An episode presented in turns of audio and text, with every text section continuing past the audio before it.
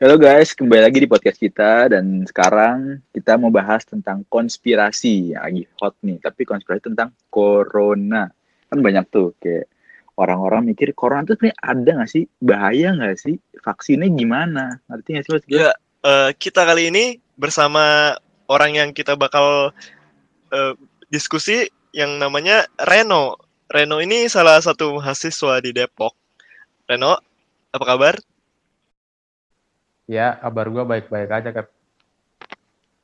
Eh, jadi gue mau nanya nih, kan gue dengar-dengar lo tuh suka baca-baca kan tentang corona gini, tentang konspirasi Ya. lah terutama. Yang Hmm, pengen gue tanya, konspirasi itu apa sih menurut lo?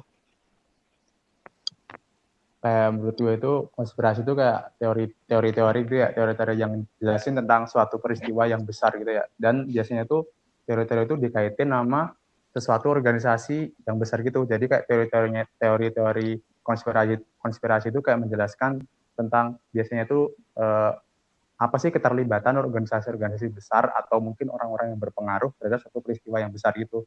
Jadi kayak secara gak langsung itu juga belum tentu benar atau enggak. Jadi konspirasi itu kayak bisa dikatakan hoax juga bisa, tapi kalau nyata juga bisa juga gitu. Hmm.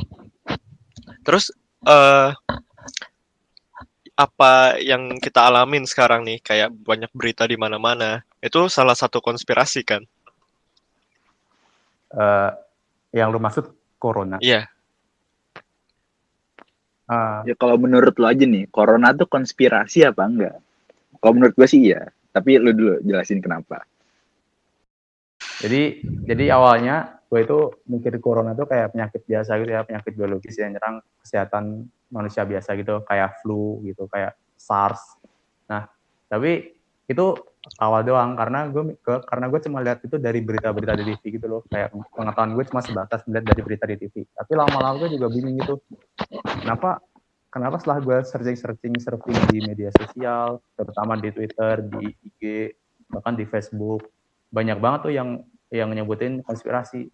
Nah gue juga apa namanya eh curious gitu loh, kayak wah ini apa benar konspirasi? Makanya gue juga cari-cari sumber gitu kan. Dan yang paling apa ya, yang paling bikin gue kaget tuh si corona ini dijadi, dijadiin statusnya pandemi gitu loh sama WHO.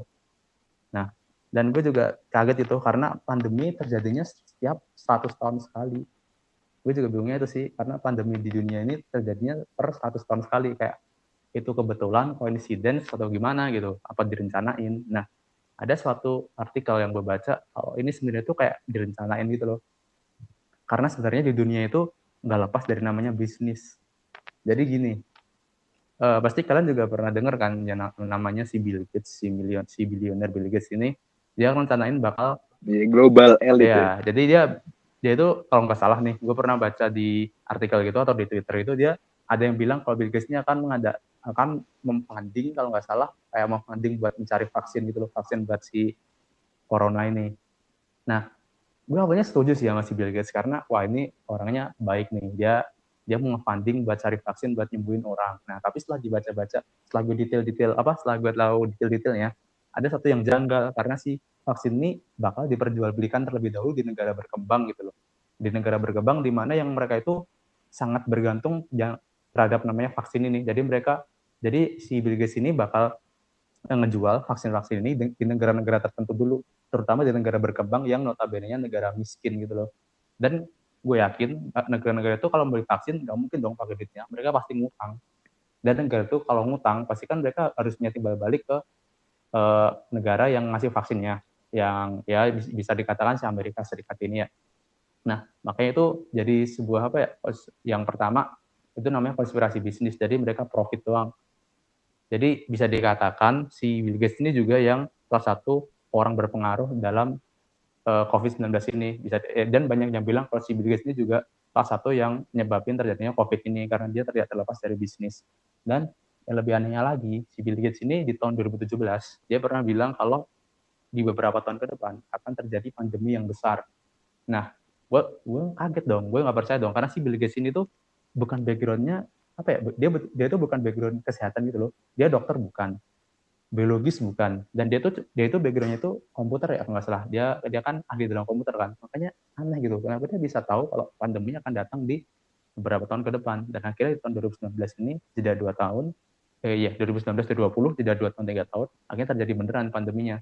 Kayak itu si Bill Gates itu gimana sih kok bisa tahu gitu loh? Itu yang semakin buat gue bingung gitu.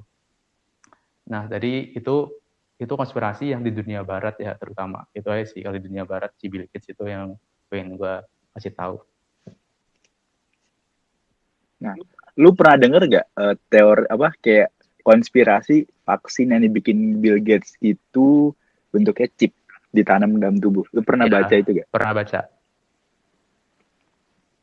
Nah, kalau menurut lu gimana tuh kalau misalnya ada ditanam di chip, lu bakal mau atau enggak? Nah, masalahnya itu si Bill Gates tuh uh, apa? Dia bakal dia bakal bikin bikin chips, tapi dia tuh mau ngetesnya ke orang lain dulu gitu loh aneh gak sih tapi dia tuh belum mau ngetes ke dirinya sendiri kan aneh gitu kayak jangan cinta jadiin manusia percobaan doang sama si Bill Gates gitu kayak gue sebenarnya juga hmm ini Bill Gates ini rencananya apa sih juga bingung gitu dalam bentuk chips tapi dia tuh nggak mau pakai pakai dulu tapi dia tuh mau di apa di tes dulu ke orang lain gitu loh itu yang bikin gue berpikir-pikir itu aneh juga gitu